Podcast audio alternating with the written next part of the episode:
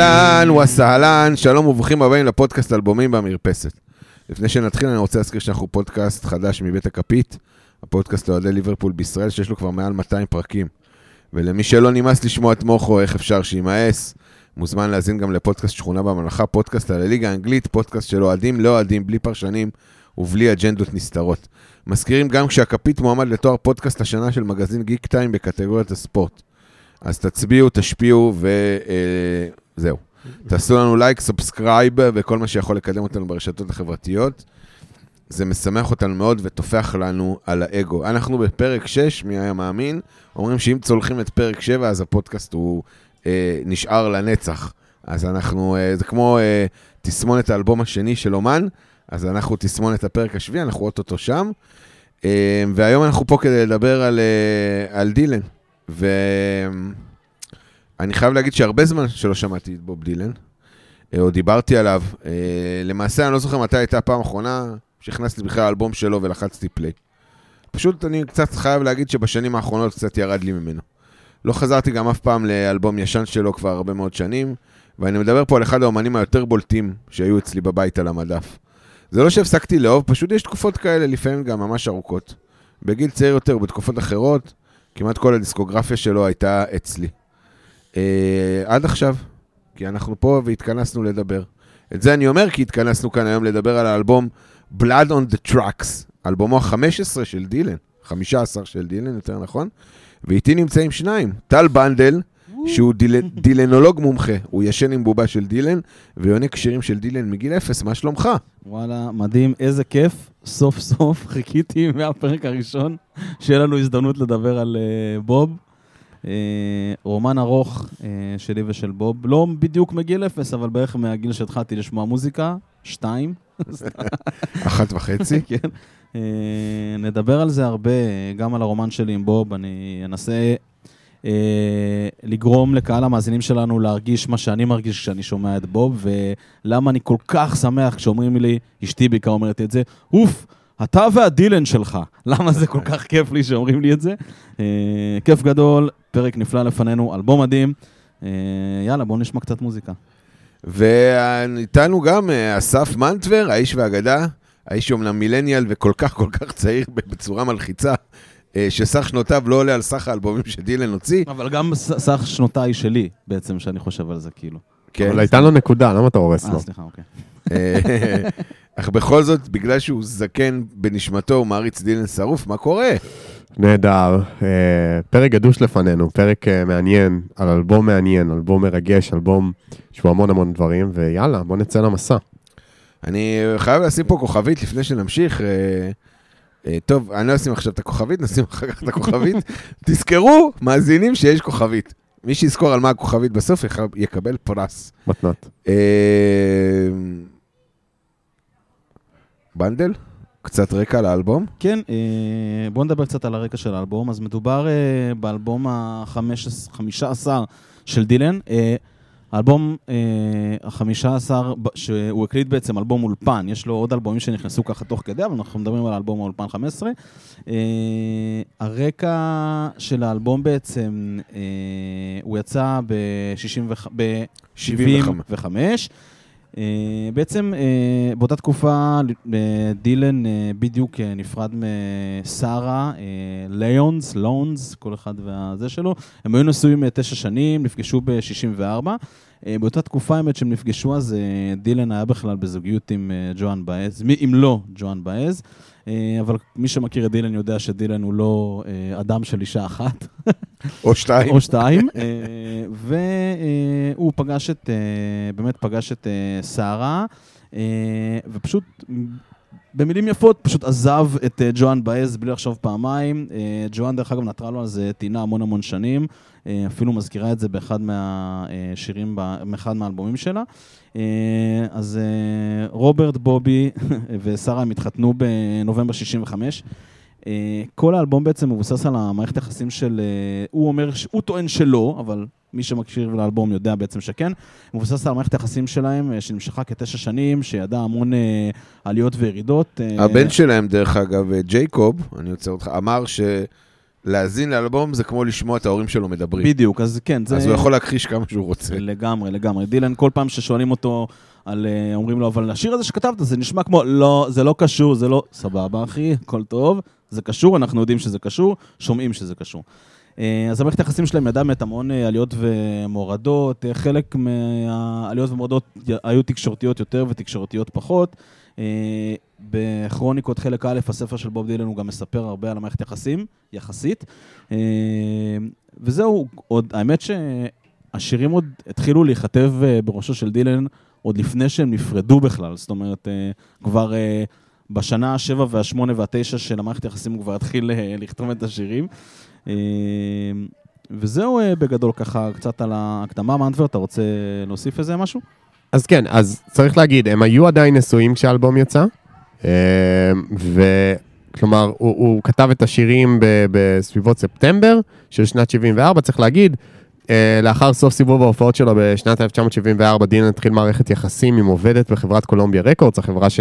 חברת התקליטים שהוא בעצם הוחתם בה בתחילת הקריירה שלו, וזה בעצם היה איזשהו סמן לתחילת הסוף של הנישואים שלו לאשתו הראשונה סרה.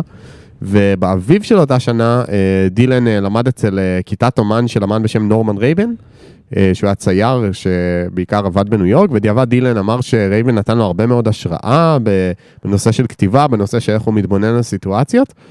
אה, דילן כתב את השירים של, אה, שבעצם הפכו להיות Blood on the Tracks בחווה שלו במינסוטה, והשמיע אותם בהתחלה לכמה חברים, הוא עשה מין הופעת אה, ניסוי gig. כזה לכל מיני חברים לתעשיית המוזיקה. אה, ביניהם היו דיוויד קרוסבי, גרם נש, סטפן סטילס, טים דרמונד ופיטר אורן. אה, אז אה, נש, גרם נש סיפר שסטילס לא אהב את ההופעה של דילן ואמר, הוא כותב שירים טוב, אבל הוא לא מוזיקאי. אה, טוב, אחי. כן. אז דילן שקל בהתחלה להקליט את האלבום עם, עם עיבוד חשמלי, כלומר להקה, יותר להקת רוק כזאת ברקע, והוא יצר קשר עם הגיטריסט מייק בלומפילד, שניגן באלבום שלו, האלבום אולי הכי גדול של דילן, Highway 61 Revisited. אה, הם נפגשו, דילן אה, ניגן לו את השירים, אבל הוא ניגן לו אותם מהר מדי, כאילו... מייק בלומפילד אפילו לא הצליח ללמוד את השירים תוך כדי, הוא נורא התקשה עם הקצב של דילן, ו... ודילן התעצבן עליו שהוא לא, שהוא לא איתו ושהוא לא עוקב, ואז uh, הוא החליט לא להקליט את להקה, אלא לבחור בהפקה יותר אקוסטית. ואז אה, ב-16 לספטמבר 1974 התחילו ההקלטות של האלבום באולפני A&R בניו יורק. אה, היה שם אה, נגן הבנג'ו אריק וייסברג והלהקה שלו, הם גויסו כמוזיקאי הסשן, אבל אה, שוחררו לאחר יומיים בגלל שהם לא הצליחו לעמוד בקצב העבודה של דילן, אז כאילו practically פיטר אותם. ואז הוא השאיר רק את הבסיסט טוני בראון והוסיף את האורגניסט פול גריפין שעבד איתו באלבומים Highway 61 Revisited ו Blonde on Blonde, והגיטריסט באדי קייג'. ואחרי אחרי עשרה ימים של הקלטות ומיקסים, הם סיימו את תהליך ההקלטה של האלבום. כלומר, ממש ממש מהר. תוך עשרה ימים כבר היה אלבום ממוקסס, מוכן להוצאה, כבר היה תאריך הוצאה.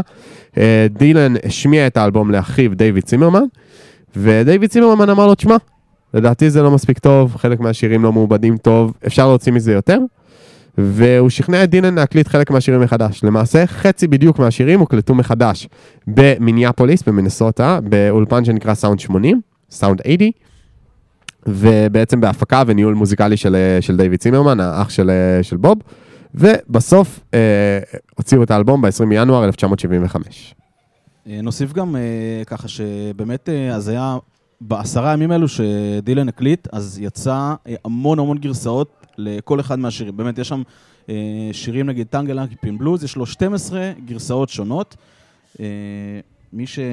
כאילו באמת, לאנשים שהם אה, דילנים הארדקור, אז יש... עכברי אה, דילן. עכברי דילן, בדיוק, אז יש אה, בסדרת הבוטלגים. אה, אם אני זוכר נכון זה 12, אבל אני לא סגור על זה, האמת שלא חיפשתי מספיק וזה, אבל ב-12... אם זה 11, אז אנחנו יש, נסלח אה, לך. כן, אז יש 360 דקות של הקלטות ושישה דיסקים של השירים עם כל הגרסאות. שזה וואו. באמת, כאילו, אין את זה גם ב... אני חושב שאין את זה אפילו בספוטיפיי וזה, כאילו זה ממש... יצא ב-2018, אם אני זוכר נכון, כאילו סופר הארדקור, אבל באמת, כאילו, זה מדהים שהם פשוט שמרו את כל ההקלטות. אה, מדהים. לגמרי. אוקיי, אה, משהו על השם שלה, למה נבחר Blood on the Tracks? Uh, Blood on the Tracks. כלומר, זה לא שם זה? של שיר מהאלבום, לא. ויש פה אה, בחירה אני, אני אישית לא מצאתי משהו על למה קוראים לזה Blood on the Tracks, אבל אה, אפשר רק להניח, אני מניח. אפשר רק אה, לחשוב על, אה, על סיבות לקרוא לזה Blood on the Tracks. אה, אולי זה, אולי כי tracks, זה, זה, יש לזה דו משמעויות, tracks זה פסי רכבת, ו tracks זה גם אה, רצועות באלבום, רצועות מוזיקליות, שירים. אז אה, אולי בגלל שבעצם זה אלבום מאוד אישי, אנחנו נדבר קצת על השירים עצמם בהמשך. אולי זה בעצם, אה, זה המשמעות, שכאילו השיר, שהשירים הם מאוד, אה, נכתבו בדם באיזשהו מקום, אה, מכאב מאוד עמוק, מקושי מאוד עמוק, זה מאוד לפחות איך. שאני רואה את זה. יפה, אה, מנטבר, אהבתי את הפרשנות שלך. תודה, תודה, בשביל זה אני פה. אה, חבל שלא עשית תחקיר, פעם הבאה אני אכה אותך. אה, אבל בואו נעבור לשירים עצמם, יאללה. לשם התכנסנו. לזה חיכינו. עשרה שירים, 51 דקות סך הכל, האלבום. חמישה שירים בכל צד של התקליט. נתחיל מההתחלה, כמו שאומרים. מתחילים מההתחלה. Tangled Up in Blue. נכון, אה, טנגל השיר אפ בלו. הראשון, השיר שפותח את האלבום. שיר מאוד מאוד מאוד אישי של דילן. למרות שהוא מכחיש שזה נכתב הוא טוען. דרך אגב שהרבה מאוד מהשירים אה, אה, הושראו על ידי סיפורים קצרים של צ'כוב. זה מה שהוא אומר. נכון, אמרנו אבל- שהוא כבר מנסה לברוח כן, ממש, connection אה, שלו לפרידה מ... זה שיר מדהים, שרה. זה שיר מדהים. Tangled Up in Blue זה שיר מדהים לפתוח איתו את האלבום גם, הוא מאוד מניח, כמו שאמרתי בפרק הקודם, שאלבומים טובים מתחילים בשיר השני, אז גם פה זה אלבום, זה שיר שמאוד אה, כזה מניח את הפלטפורמה שעליה הוא בונה את, ה, את הסיפור ואת הדברים שהוא רוצה להעביר לך. וזה שיר שהוא א' מאוד מגניב כי הוא, הוא נע בין גוף ראשון לגוף שלישי כל הזמן, כאילו מצד אחד הוא מדבר כאילו הוא המספר, ומצד שני הוא מדבר כאילו הוא הדמות בתוך הסיפור. ומה שעוד מגניב בשיר הזה, שזה דרך אגב מה שאני לא שמתי לב אליו עד שהתכוננתי כאילו לה, להקלטה של האלבום, להקלטה של הפרק, סליחה. Uh, השיר הזה הוא בנוי בקו עלילה לא ליניארי, כלומר הוא עובר בין הווה, עבר ועתיד כל הזמן, כל קדימה, הזמן. אחורה, נע קדימה ואחורה. כן, אבל לא רק זה, כאילו מה ש... מה ש אה, אם, אם אתם רוצים כאילו להבין את, ה, את הסדר הכרונולוגי, ה, בעצם הוא בנוי משבעה בתים, כאילו שבע סטנזות זה נקרא בשירה, זה, זה ממש לא אפילו בתים, זה ממש סטנזות. אז הסטנזו הרביעית עד שישית, כאילו 4, 5, 6, זה, זה השלב הראשון בסיפור מבחינת אה, אה, אה, כרונולוגיה. ואז הבית השני והשלישי, אז הבית הראשון ואז הבית השביעי, זה כאילו הסדר של הסיפור, כן. אבל ב- בשיר מן הסתם הוא רץ כאילו בסדר אחר. נאזין לו? נאזין לו.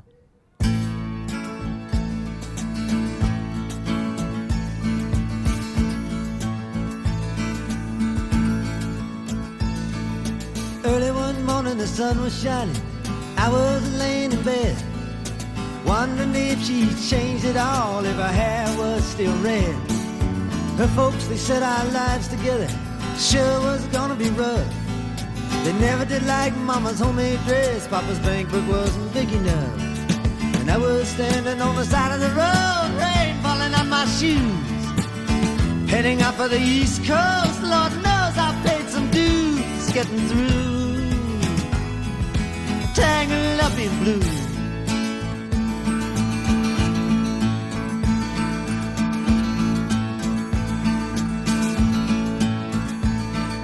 She was married when we first met, soon to be divorced. I helped her out of a jam, I guess, but I used a little too much force. We drove that car as far as we could, abandoned it out west. Split up on the docks at night, for both agreeing turned around to look at me as I was walking away. I heard her say over my shoulder, we'll meet again someday on the avenue. Tangled up in blue.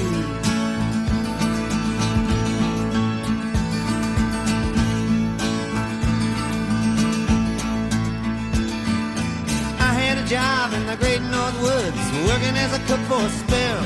But I never did like it all and one day the axe just fell. So I drifted down to New Orleans, where I'm lucky with a be employed. Working for a while on a fishing boat right outside of Delacroix. But all the while I was alone, the past was close behind. I seen a lot of women, but she never escaped my mind, and I just grew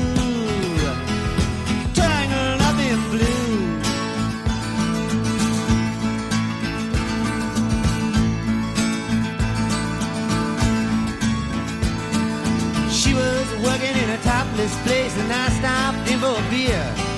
I just kept looking at the side of her face in the spotlight so clear. Later on, when the crowd thinned out, I was just about to do the same. She was standing there in back of my chair. I said, Timmy, don't I know your name? I muttered something underneath my breath. She studied the lines on my face. I must admit, felt a little uneasy when she bent down to tie the laces of my shoes.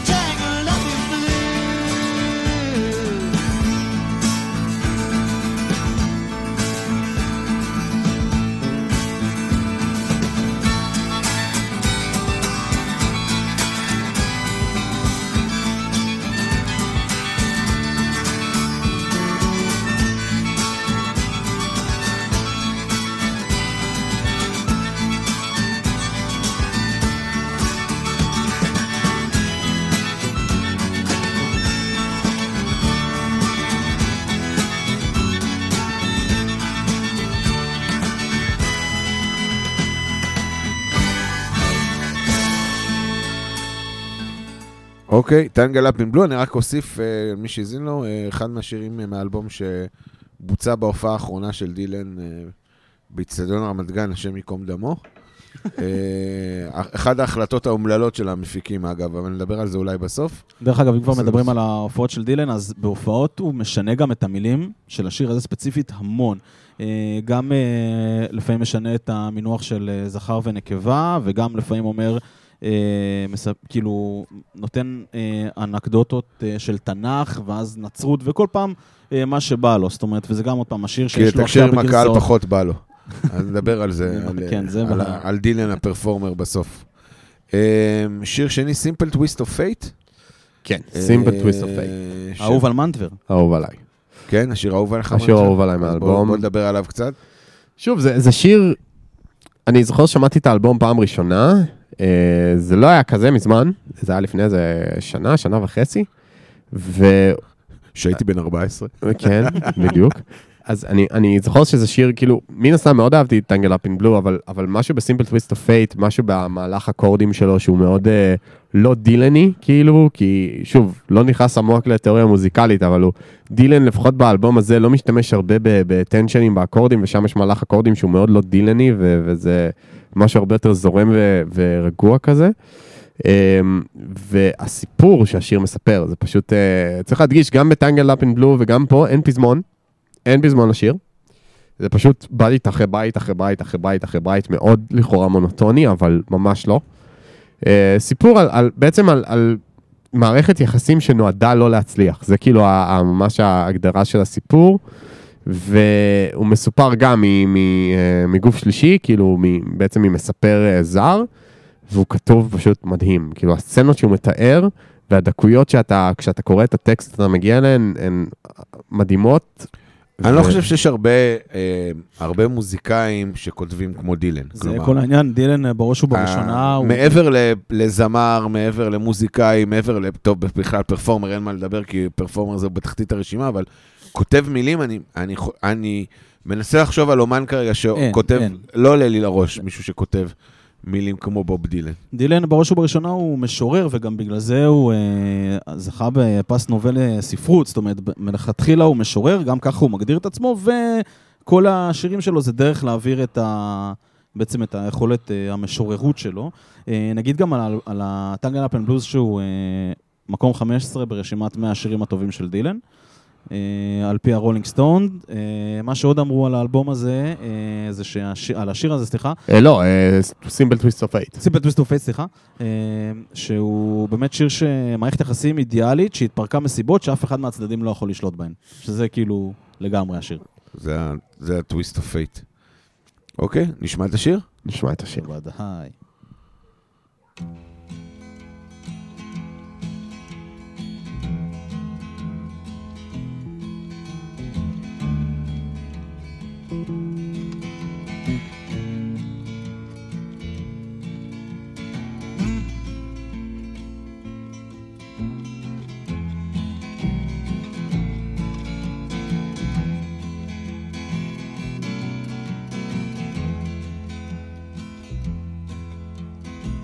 They sat together in the park as the evening sky grew dark. She looked at him and he felt a spark tingle to his bones. 'Twas then he felt alone and wished that he'd gone straight and watched out for a simple twist of fate. They walked along by the old canal, a little confused, I remember well, and stopped into a strange hotel with a neon burning bright. He felt the heat of the night hit him like a freight train moving with a simple twist of fate.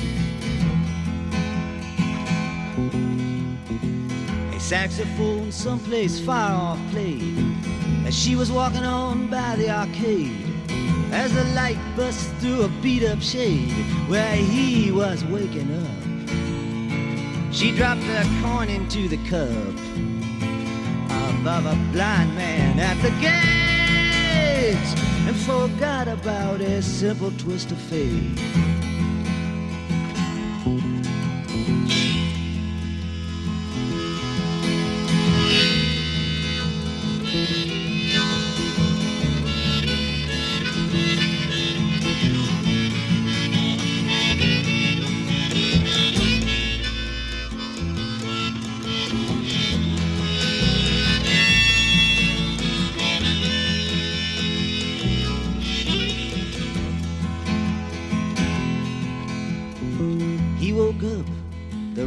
Bare.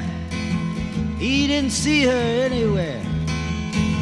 He told himself he didn't care. Pushed the window open wide. Felt that emptiness inside, to which he just could not relate. Brought on by a simple twist of fate. He hears the ticking of the clocks walks along with a parrot that talks. Hunts her down by the waterfront docks where the sailors all come in. Maybe she'll pick him out again. How long must he wait one more time for a simple twist of fate? People tell me it's a sin to know and feel too much within. I still believe she was my twin, but I lost the ring. She was born in spring, but I was born too late. Blame it on this simple twist of fate.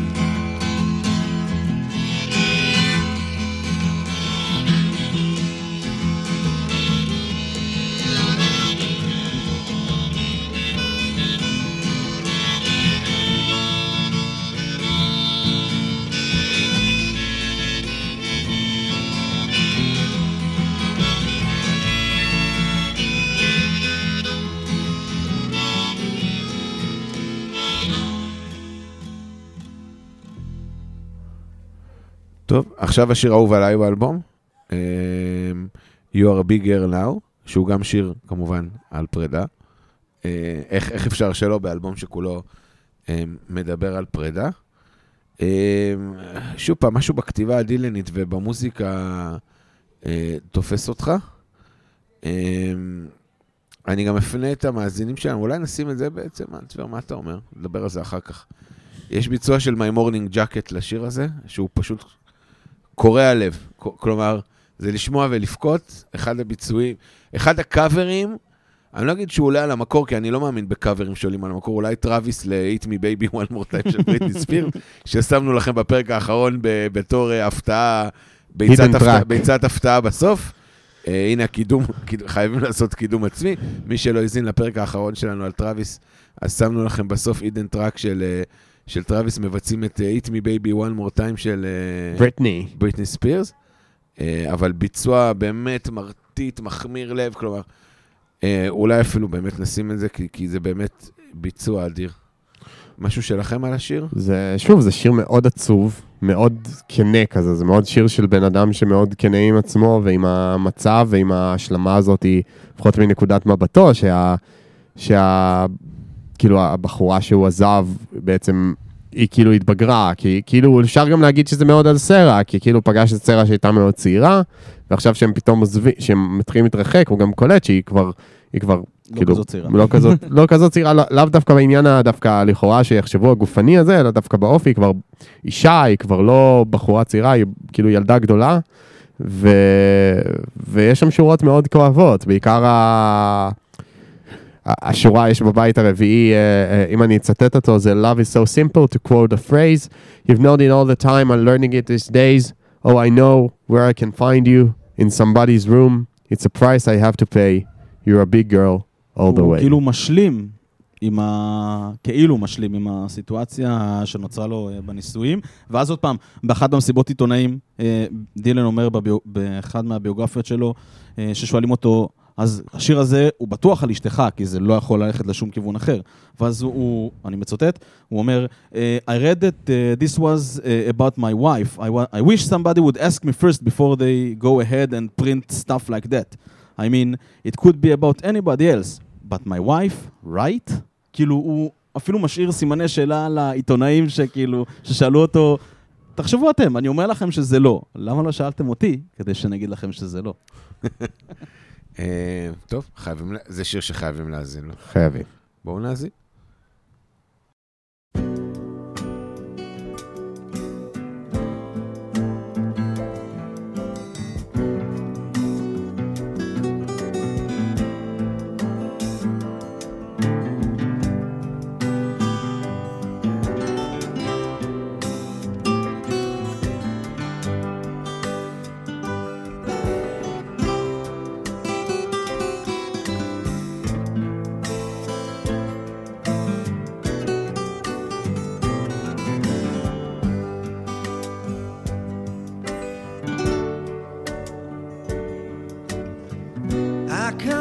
Sure.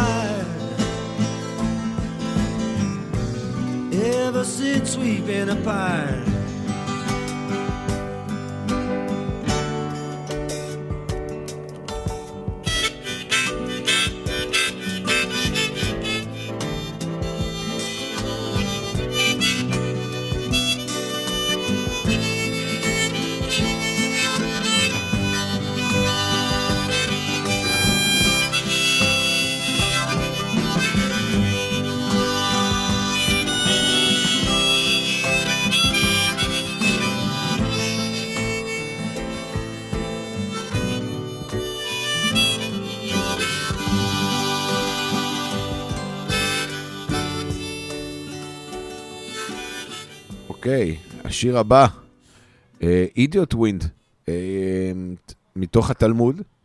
דרך אגב, אפרופו, באמת, אה, הקשרים היהודים של אה, רוברט צימרמן. באותו זמן באמת היו כבר כאילו נוכחים, הוא לא... הוא- זה טרם אה, אה, התנצרותו וסטייתו. וחזרתו, וחזרתו. והסתסרותו, באותו זמן הוא יהודי, כאילו. בודה זה תימיתו, או כל, כל מה שהוא אה, התנסה בו. אה, בתלמוד סוטה 3א אה, יש אה, אה, אה, אמירה או פסוק או מה שלא אומרים בתלמוד, לא יודע, מי שמכיר תלמוד ידע יותר טוב ממני, שאין אדם עובר עבירה אלא אם נכנסה בו רוח שטות. אה, שפה מדבר בעצם על, על, על בן אדם שעובר עבירה, רק מי שנכנסה בו רוח שטות. על איזה עבירה הוא מדבר? פרידה? בגידה? אה, אי אפשר לדעת איתו, כן. אי אפשר לדעת, אבל... הוא לא- אה, הוא לא אומר באמת, כאילו... אין גם- פה משהו מוגדר הוא- בשיר נכון, עצמו. הוא אומר כאילו אה, רוח אה, אידיוטית, אבל כאילו של... אה, כמו אה, רוח שטות באמת, אבל הוא אף פעם לא... לא מפנה את זה ספציפית בתוך השיר לדמות שהוא מדבר עליה. זאת אומרת, תמיד כל השיר מתנהל במערכת יחסים אה, בינו לבין, אה, בין האיש בתוך השיר לבין זוגתו. בתוך השיר, עוד פעם, לא סרע, כן, כי דילן שוב פעם מכחיש. אה, והוא פשוט, כל השיר הוא כאילו יוצא עליה, אומר, אני אפילו לא יכול לקרוא את הספרים שקראת. והוא אומר, יש רוח שטות כל כך גדולה, שזה אפילו מפתיע שאת מצליחה לנשום. או יש רוח שטות כל כך גדולה, אה, שזה פלא שאנחנו מצליחים להאכיל את עצמנו. זאת אומרת, הוא כאילו אומר, הרוח שטות בינינו היא כל כך גדולה, שאנחנו בקושי, זה פלא שאנחנו בכלל מצליחים לשרוד אה, בחיים ובתוך מערכת היחסים הזאת. אה, ועוד פעם, הוא אף פעם לא מפנה את האידיוט ווינד כלפי הדמות שהוא מדבר עליה בשיר. זאת אומרת, זה תמיד איזשהו משהו שקיים בתוך מערכת היחסים שלהם, אה, אבל אף פעם הוא לא מפנה את זה כלפיה. כן, הוא אומר, אה, I've been double crossed now for the very last time, and now I'm finally free. כאילו יש שם, אה, I kissed goodbye the howling beast on the borderline which separated you from me. כאילו ממש שורות קשות. צריך להגיד, זה השיר הראשון באלבום שיש לו פזמון. אה, כל שאר השירים, שמעתם אותם, לא היה פזמון, פה יש פזמון. אה, כן, זה שיר אה, מאוד זה, וארוך, ויש בו הרבה מסר, וטוב, נהדר, אחד השירים הטובים. שיר נפלא, אחד מהשירים הטובים באלבום, וכמו שאמרנו, נאזין לו. Some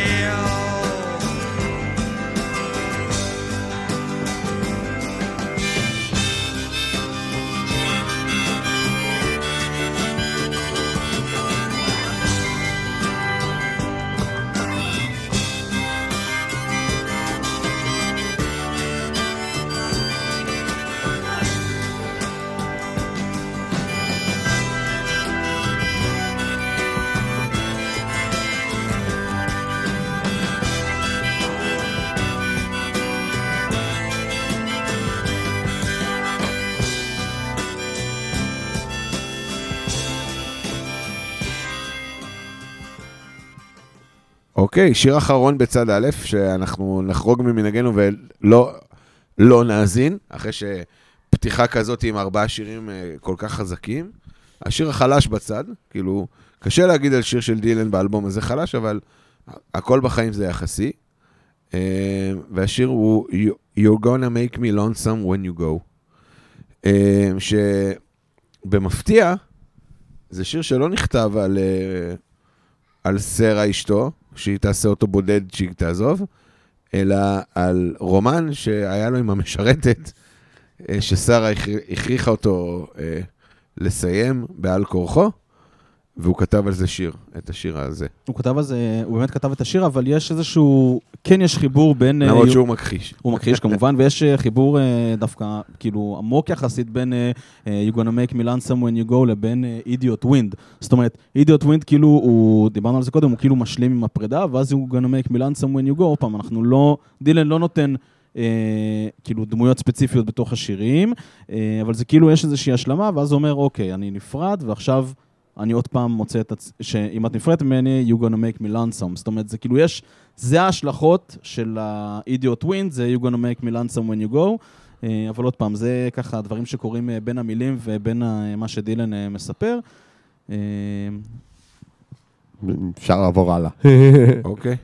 אה, צד ב', הפכנו צד.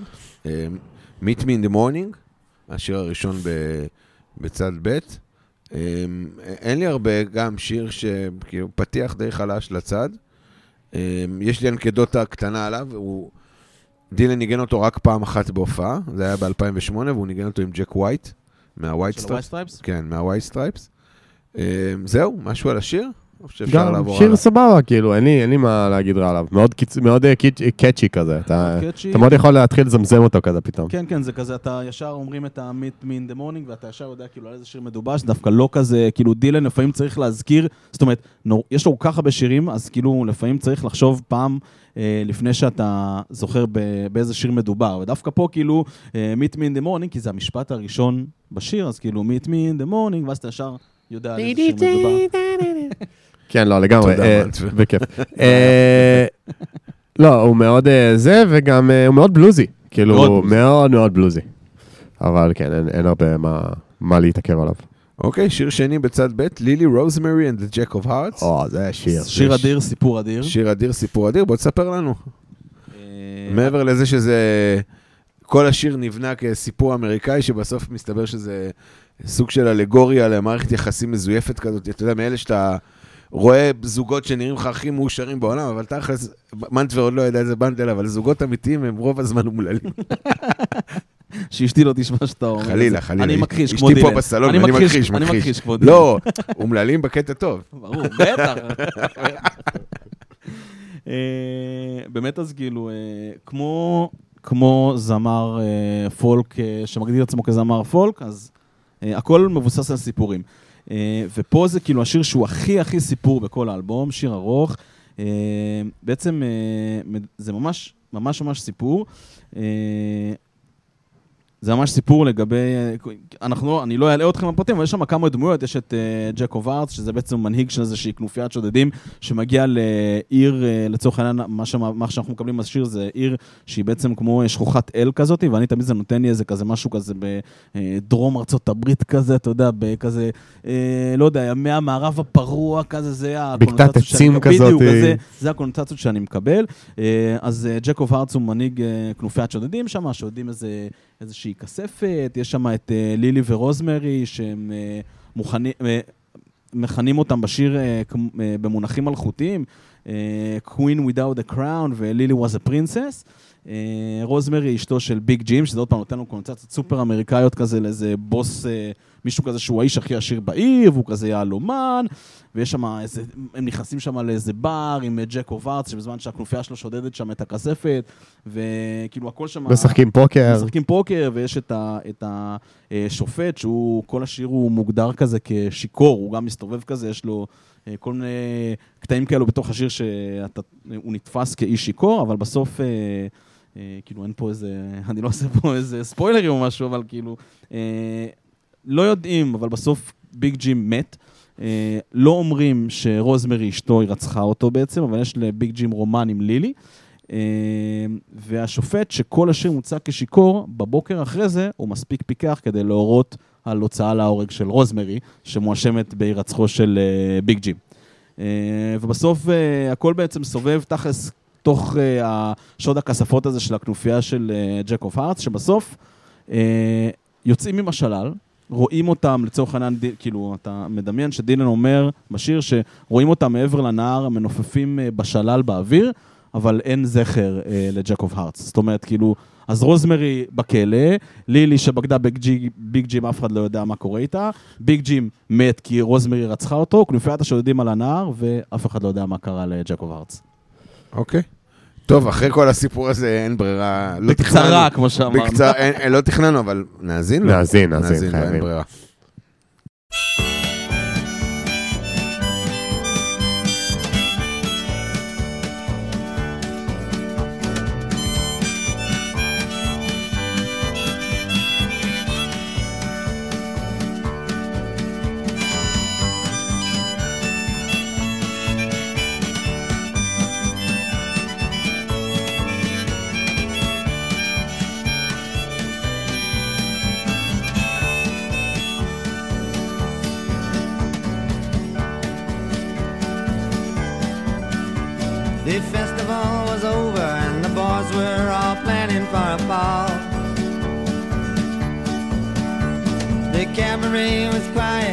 Except for the drilling in the wall. The curfew had been lifted and the gambling wheel shut down. Anyone with any sense had already left town. He was standing in the doorway looking like the jack of hearts. He moved across the mirrored room, set it up for everyone, he said. Then everyone commenced to do what they were doing before he turned their heads. And he walked up to a stranger and he asked him with a grin, Could you kindly tell me, friend, what time the show begins? Then he moved into the corner, face down like the jack of hearts. Backstage, the girls were playing five cards, stood by the stairs. Lily had two queens, she was hoping for a third to match her pair. Outside, the streets were filling up, the window was open wide. The gentle breeze was blowing, you could feel it from inside. Lily called another bet and drew up the jack of hearts. Big Jim was no one's fool. He owned the town's only diamond mine. Usual entrance, looking so dandy and so fine. With his bodyguards and silver cane in every herring place, he took whatever he wanted to and he laid it all to waste. But his bodyguards and silver cane were no match for the Jack of Hearts. Rosemary combed her hair and took a carriage into town. Slipped into the side door, looking like a queen without a crown. She fluttered her false eyelashes and whispered in his ear, Sorry, darling, that I'm late, but he didn't seem to hear. He was staring into space over at the Jack of Hearts. I know I've seen that face somewhere. Big Jim was thinking to himself. Maybe down in Mexico or a picture upon somebody's shelf. But then the crowd began to stamp their feet and the house lights did dim. And in the darkness of the room there was only Jim and him. Staring at the butterfly who just drew the jack of hearts. Lily was a princess, she was fair-skinned and precious as a child. Did whatever she had to do, she had that sudden flash every time she smiled. She had come away from a broken home and lots of strange affairs with men in every walk of life which took her everywhere. But she never met anyone quite like the Jack of Hearts. The hanging judge came in unnoticed and was being wined and dined.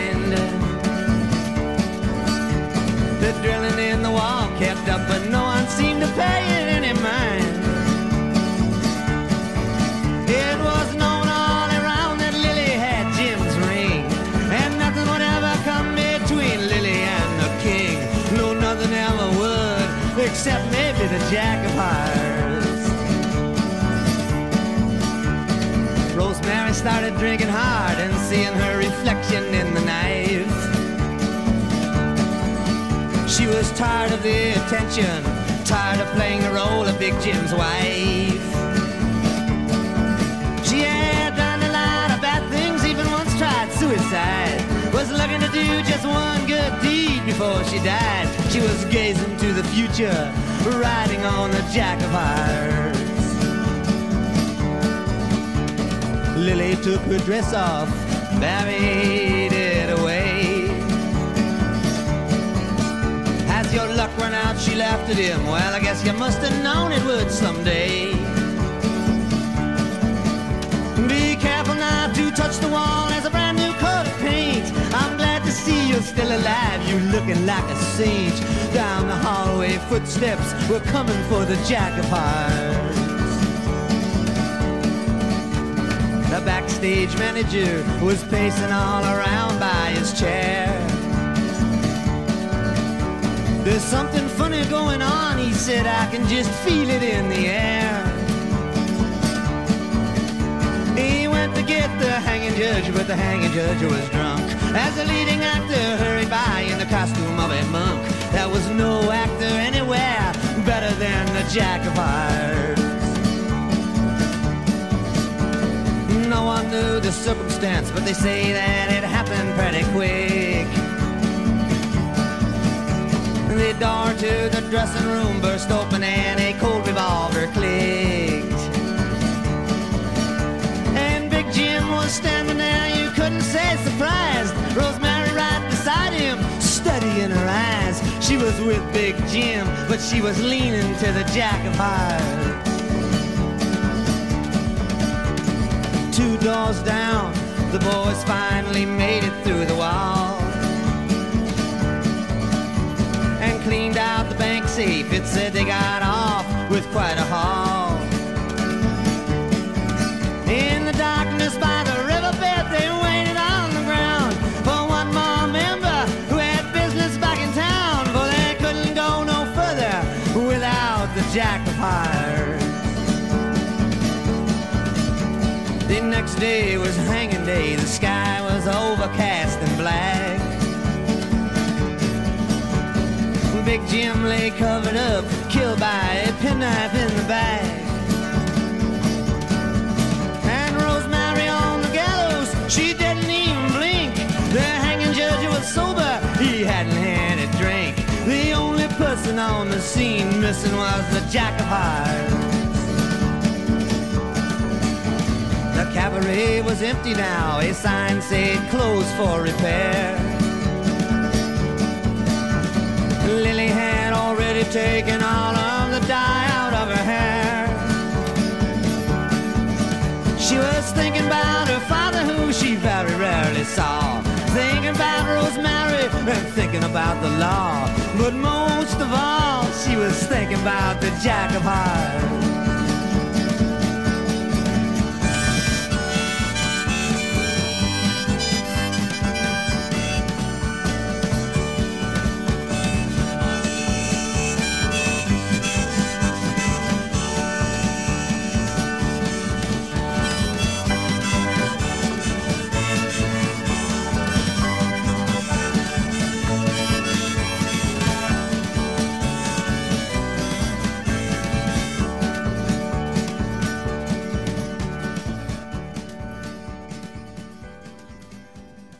אוקיי, שיר הבא, If you see her, say hello. וואו, אה, מבחינתי כאילו, שוב, בתחרות קשה עם... אה, השיר שגורם למנטבר לבכות כל פעם שהוא שומע אותו. אה, כל בן אדם נורמלי ישמע אותו יבכה. אני יכול להבין. לא, שיר מאוד מאוד עצוב, לדעתי לפחות, אני תופס אותו כשיר מאוד מאוד עצוב. זה שיר שמדבר על איזשהו, אה, לא יודע לקרוא לזה בקשה, בקשה שכאילו הדובר מבקש מהמאזין, מהשומע, להעביר מסר לאהבה אבודה. כאילו זה ממש מכתב ש, שדילן, או ה, לא יודע אם זה במקרה הזה הוא בדמותו של דילן, או, או המספר, או הדובר, ממש כותב למישהי, ל, ל, לאיזושהי אהבה אבודה, שהוא, שהוא רוצה שיעבירו לה את המסר הזה. Um, הוא אומר שם, say for me that I'm alright, though things get kind of slow, she might think that I've forgotten her. Don't tell her it isn't so. Uh, ממש, אה, שוב, יש שם שירות, אה, שורות אה, שוברות, גם בשיר הזה אין פזמון דרך אגב. דילן פעם העיד ש... אה, If you see her say hello זה שיר... באנגלית, בעברית זה כאילו, התרגום זה שיר אה, אחיות, זאת אומרת, שיר שהוא כאילו מתחבר ביחד עם אה, Girl from North אה, Country, ביחד של אה, דילן וג'וני קאש מ Nashville Skyline. אה, שיר מאוד מוכר של דילן, אז זה כאילו, אה, אני מבין, מי ששומע את שני השירים אחד אחרי השני יכול להבין את החיבור, זאת אומרת, זה כאילו על אותו, על אותו timeline בעצם, אה, גם, אה, לגמרי שיר מקסים. טוב, נאזין לו. יאללה, האזנו.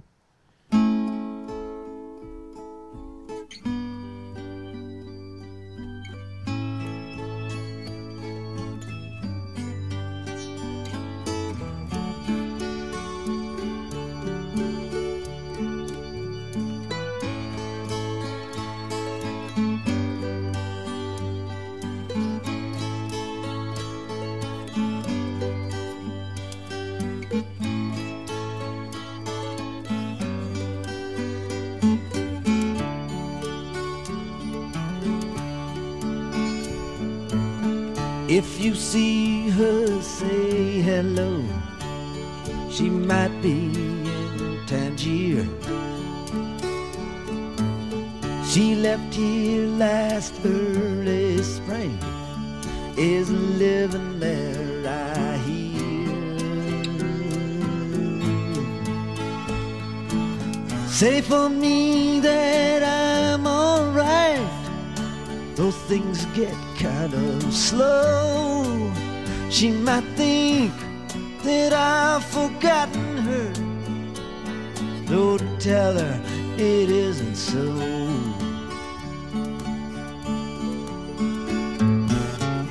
We had a falling out like lovers often will. And to think of how she left that night, it still brings me a chill. And though our separation it pierced me to the heart. She still lives inside of me. We've never been apart.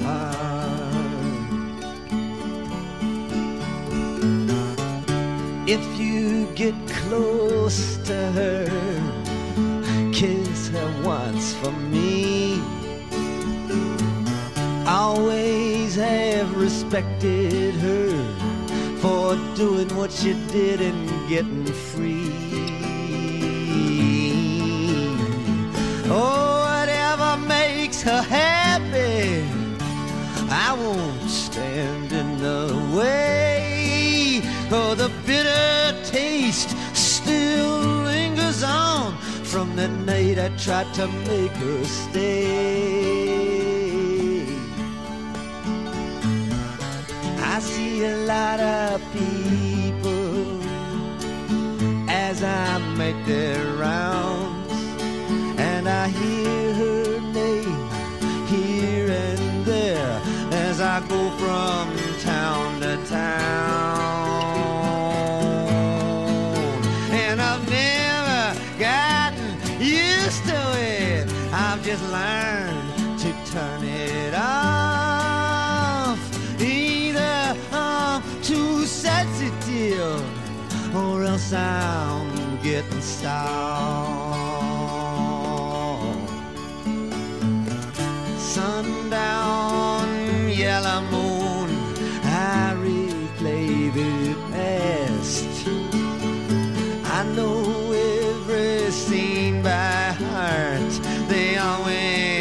so fast. If she's passing back this way, I'm not that hard to find. Tell her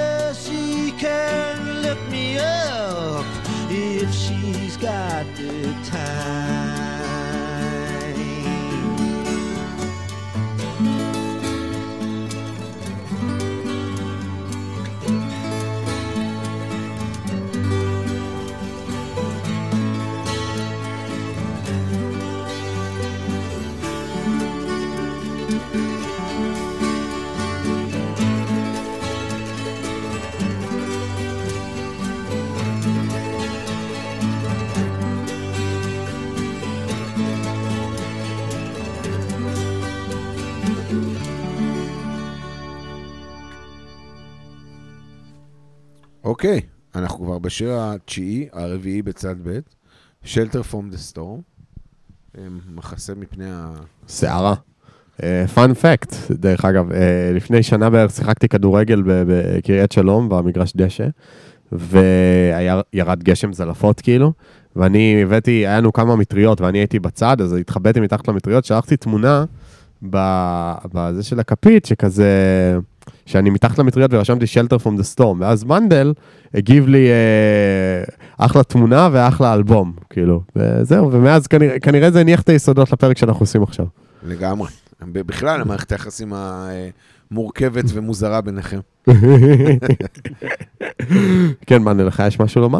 לא, שיר ממש יפה, עוד פעם, מדובר אה, גם שיר כזה פולק קלאסי, זאת אומרת, אה, יש שם איזשהו סיפור אה, סביב איזושהי בחורה. אני מודה שדווקא זה שיר שאני מאוד מאוד אוהב, ולא לא נכנסתי יותר מדי אה, לעניינים.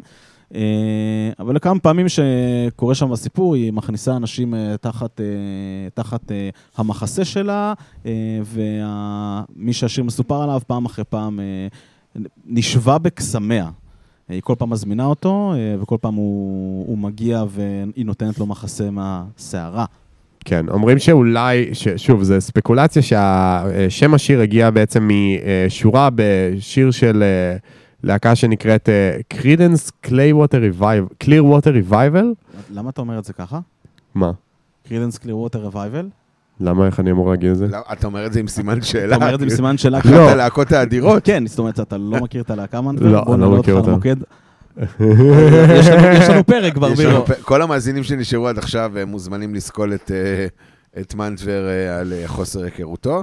כן. אנחנו עכשיו צריכים, אנחנו חייבים אה, להחדיר... אז אה. זהו, אז הלהיט נקרא Who'll Stop the Rain, ויש כאלה שטוענים ש...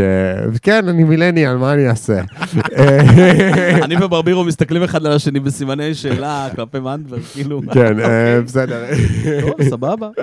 אה, כן. טוב, אה, עכשיו חייבים להאזין לשיר הזה, חייבים. חייבים להאזין, וכן.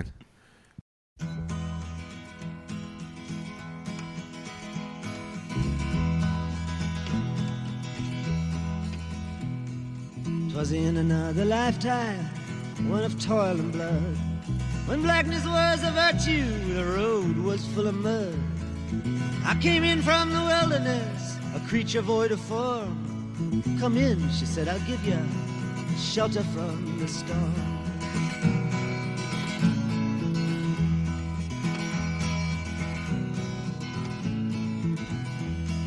And if I pass this way again, you can rest assured. I'll always do my best for her, on that I give my word. In a world of steel-eyed death and men who are fighting to be warm. Come in, she said, I'll give ya shelter from the storm.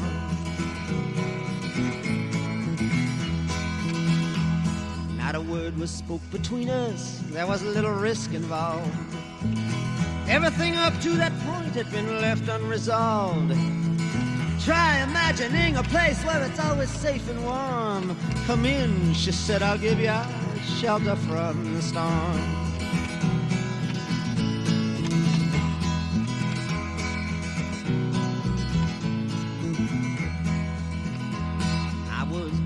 Out from exhaustion, buried in the hail, poisoned in the bushes and blown out on the trail.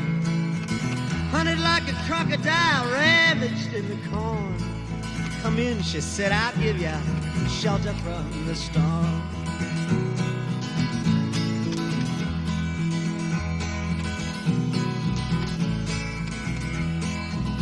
Suddenly I turned around and she was standing there with silver bracelets on her wrists and flowers in her hair. She walked up to me so gracefully and took my crown of thorns.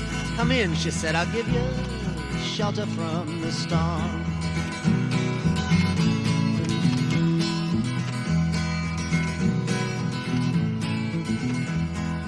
Now there's a wall between us, something that's been lost. I took too much for granted, I got my signals crossed. Just think till it all began on a non-eventful morn. Come in, she said, I'll give you shelter from the storm.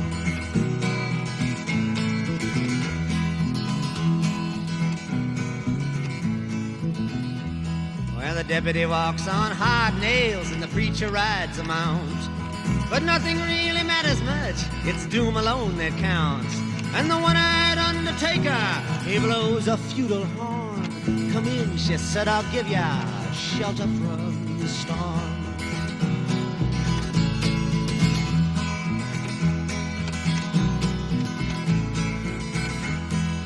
I've heard newborn babies wailing like a moaning dove. And old men with broken teeth stranded without love.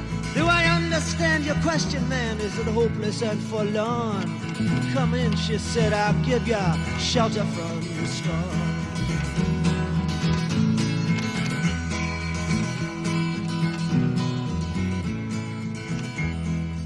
Little hilltop village, they gambled for my clothes. I bargained for salvation and she gave me a lethal dose. I offered up my innocence, I got repaid with scorn. Come in, she said, I'll give you shelter from the storm.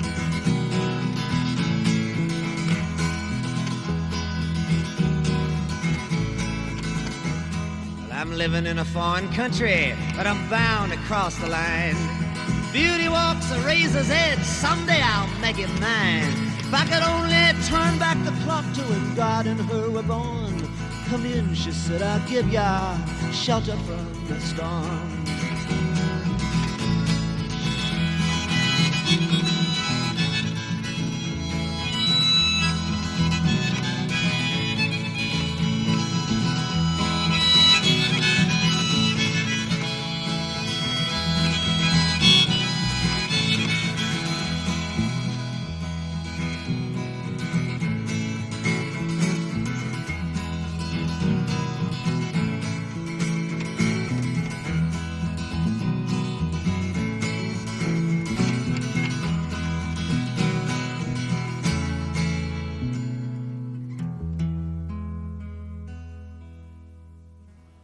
אוקיי, הגענו אה, לשיר האחרון, אכן, לשיר האחרון באלבום, Buckets of Rain. Buckets of Rain. אה, כן, אה, וואו, וואו. יאללה, דברו קצת. אני, אתה אני, רוצה להגיד את הפאנ פקט? אני אה, כבר נגיד את הפאנפקט, קודם כל זה שיר אהבה בסגנון של זמר הפולק מיסיסיפי ג'ון הארט, שמתאר את המחויבות המוחלטת אה, של גבר לאשתו. אה, הוא מספר, בעצם בשיר יש הרבה הרבה דברים, שהוא אומר את הדברים שיקרים לו אצלה. כלומר, התכונות שלה, הדברים שלה, וזה שיר שהוא לא על אהבה עיוורת, כן? יש שם כאילו אה, אה, הרבה, כאילו אפשר להגיד איזשהם קונפליקטים, אבל כאילו איזשהו, דווקא משהו שמאוד מתאר את האהבה בסוף. כאילו, כן, לגמרי. זה כאילו, יש, יש דברים במערכת היחסים שאם אתה מספר נגיד אה, על ויכוחים שיש לך עם אה, בת הזוג שלך, או לא משנה, בן זוג, מה שזה, אז כאילו, אה, מהצד זה יכול להישמע כאילו יש איזשהו משהו גרנדיוזי שקורה, איזשהו ויכוח גדול, אבל בסוף, אה, שיש כאילו... אה, משהו משותף, מערכת יחסים ששניכם יודעים שהמטרה היא משותפת של להיות ביחד ואתם אוהבים אחד את השני, אז בסוף הכל מתגמד. ו... אז הוא מספר על הרגעים הקטנים האלו בתוך מערכת היחסים, שכאילו, עוד פעם, מהצד יכולים להישמע נורא נורא זה, אבל בסוף, אה, אהבה מנצחת. אני, אני אגיד בדיוק את הבית האחרון, הבית החמישי, הבית שלמעשה סוגר את האלבום. הוא אומר, Life is sad, life is a bust. All you can do is do what you must. You do what you must do, and you do it well. I do it for you, honey baby, can't you tell? ובזה נגמר האלבום. מדהים. אחלה מדהים. סיום. fun אני אגיד את fact. ה fun fact. תגיד את ה fun fact. השיר האהוב על ג'וליה רוברטס. השיר האהוב על ג'וליה. רוברטס, אה, כן. אה, את ג'וליה רוברטס אני מכיר. אתה יפה. מ Notting Hill. זה נכון. למה גם פריטי אישה וומן? יפה, מה זה? פריטי ראיתי. אה, טוב, אה, בזמן שאתם צוחקים על מנטבר, אה, נשמע את, Buckets of Rain, Rain. ונסיים את האלבום הנפלא ונהדר הזה.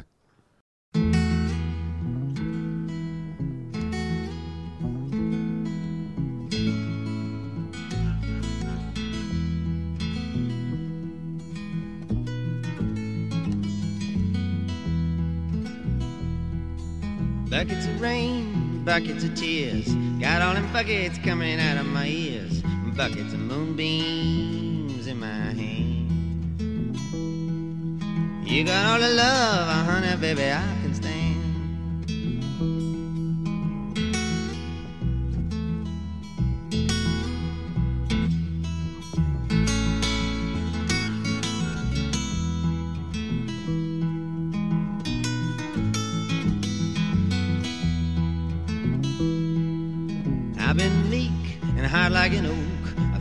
pretty people disappear like smoke.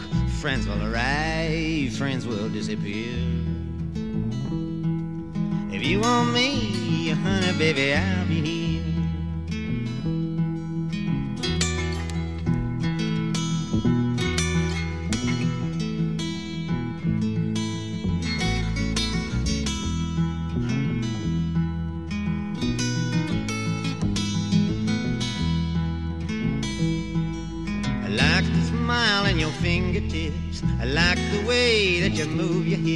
I like the cool way you look at me.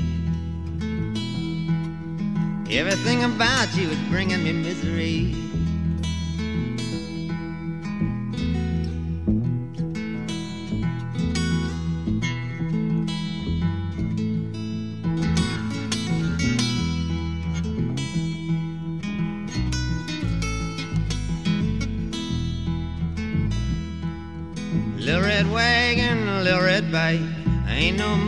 But I know what I like. I like the way you love me strong and slow. I'm taking you with me, honey, baby, when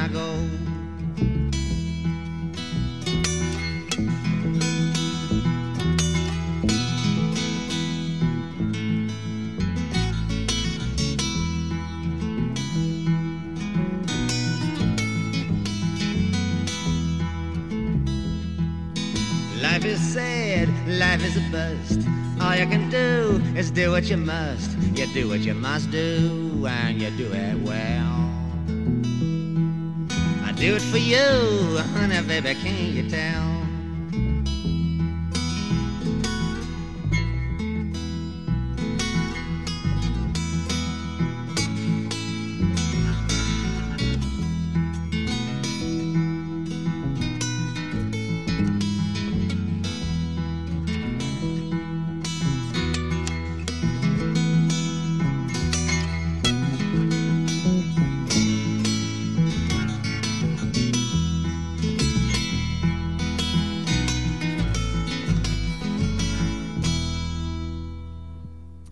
אוקיי?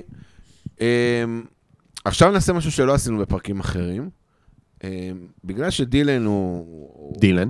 הוא אומן בסדר גודל אה, שלא, שלא דובר עליו עד עכשיו, כלומר, זה, זה אומן שגם שמי שלא מכיר או לא אוהב, בטוח מכיר שיר שניים שלו, בניגוד להרבה מאוד אנשים שנגיד פחות מחוברים למוזיקה, נגיד תשאל אותם שיר של טראביס, אז אולי הם יגידו לך Sing או משהו כזה, אבל כלומר, אין אנשים שלא מכירים שירים של דילן, אני נו- נוטה להאמין לפחות שאין כזה דבר.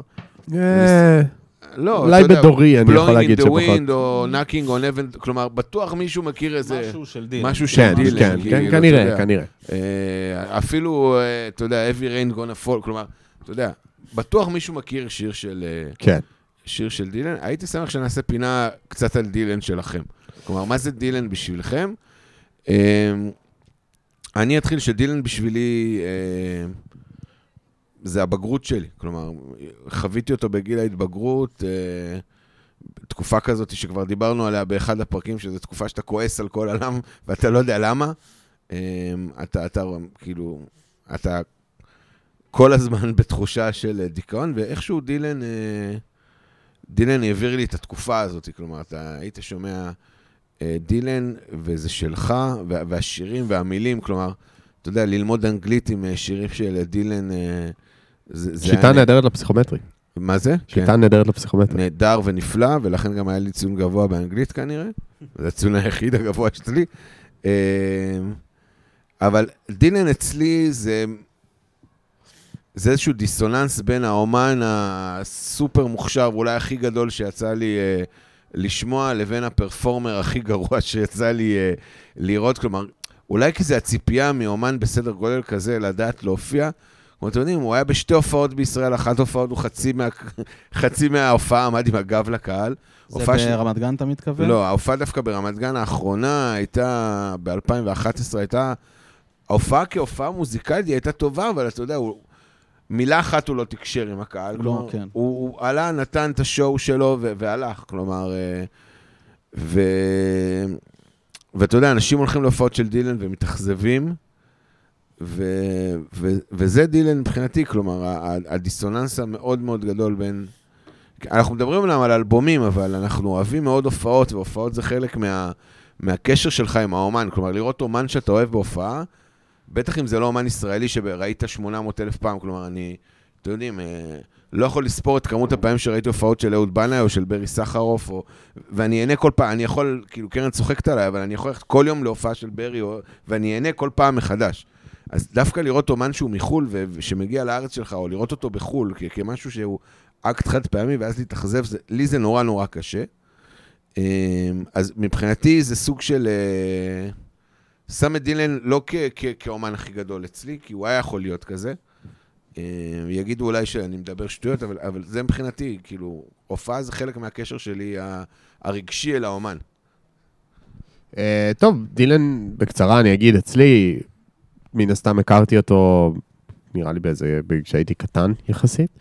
אה, התחברתי אליו מאוד דרך Highway 61, כאילו, וזה אלבום שבתור teenager אתה מאוד נהנה להקשיב לו. ובאמת אני חושב שאבל ש Blood on the Tracks גרם לי ל- ל- לחיבור הרבה יותר עמוק אליו. כי אני חושב שזה אלבום מאוד אנושי, וכאילו, אתה יודע, יש הרבה הכרזות גדולות בשירים של דילן, הוא מאוד פוליטי, אבל פה הוא דווקא פותח לך איזושהי דלת שלא תמיד הוא פותח. לתוך איזה מקום יותר אישי, לתוך החוויה הזאת ששוב, את, את האלבום הזה אני הכרתי למעשה בגלל שיטוט בוויקיפדיה, אחרי שקראתי על אלבום אחר מאותו ז'אנר, שנקרא Sea Change, של זמר אמריקאי בשם בק. אה, חגג שזה- השבוע של- 30, אני חושב. כן, אה, חגג חודש 30 חודש השנה. פרק מס שלנו. כן, זה, זה יקרה, אה, Sea Change, אז, אז בעצם יש באחד אם ה... נשרוד את משבר הפרק השביעי. זהו, באחת הביקורות על Sea Change, אז אמרו שזה ה-Blood on the Tracks של בק. ואז אמרתי, טוב, אני כל כך אהבתי את Sea Change, אז בוא נשמע בוא נשמע את the Tracks. ו- ואז נחשפתי, כי זה לא מהאלבומים המפורסמים של דילן. וכן, ואני חושב שדווקא לשמוע את זה מאוד מאוד פתח לי דילן אפילו עוד יותר. אה, הסיפור שלי... דילנולוג מספר אחת, כן. כן, אז אני... הסיפור שלי עם דילן הוא סיפור, הוא מערכת יחסים ארוכת שנים. אה, אצלנו בבית אה, היה פטיפון והיה המון המון תקליטים. התקליט הראשון בתוך השורה היה סלף פורטרט. מי שמכיר זה אלבום של דילן מ-1970, שהוא עם עטיפה מוזרה, יש שם איזה... על ציור של דילן שעשה פורטרט לעצמו. זה, זה משהו מקושקש כזה. אלבום שאני מאוד מאוד אוהב של דילן, אבל עוד פעם, אני ואהבה של דילן זה לא, אף אחד לא לשפוט. אה, ואלבום שסקרן אותי, אבל אף פעם הוא לא הושמע אצלנו. אה, עד שלקחתי ושמתי, זה היה לדעתי שהייתי בן איזה... אה, לא יודע, 13 או משהו כזה, ומאז הרומן שלי עם דילן אה, רק אה, אה, האריך שנים. אני לא ראיתי את דילן בהופעה, לא ש... אני שומע את האלבומים בהופעה של דילן, אבל אף פעם לא התעמקתי, אני שומע את האלבומים של דילן, מה שאני אוהב זה שדילן מלווה אותי תמיד. אם אני לא יודע מה לשים, אני מתלבט איזה מוזיקה לשים, אני פשוט נכנס לאלבומים של דילן, בוחר מה שאני רוצה, אם מהמוקדמים, מהתקופה הראשונה, השנייה, השלישית, מהתקופה שהוא ניסה לשנות את הכל, מהתקופה של הנצרות, מהתקופה שהוא חזר ליהדות, מהחדשים שהוא כזה אה, דילן, שילוב של דילן כזה שהוא זקן ושבור עם כזה אה, סטייל אה, ליאונרד כהן כזה שהוא רק מדבר למיקרופון. אני תמיד מוצא מה להאזין לדילן. אה, הרומן שלי עם דילן הוא רומן עמוק, אני חושב שהוא האמן. המוזיקלי הכי גדול של המאה ה-21, אה, תמיד אצלי מקום ראשון, תמיד מאה. בלב, 120 סליחה, אה, תמיד אצלי בלב. אה, זהו. תודה. נסכם, אני אסכם את הפרק ואת האלבום. אני חושב שזה אל- אלבום עם הרבה מאוד התבוננות אחורה, הרבה מאוד מחשבות. השירים מחממים, אך גם עוקצים באותה מידה, לא רק בהגשה, אלא הרבה אצל המאזין עצמו.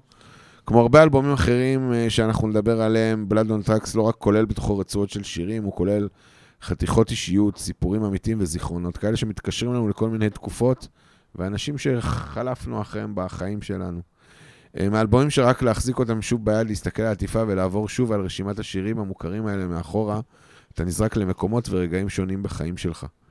אה, חלקם מעלים חיוך, חלקם כואבים כמו, כמו החיים, וכיום הם בעיקר אצלי מעלים זיכרונות.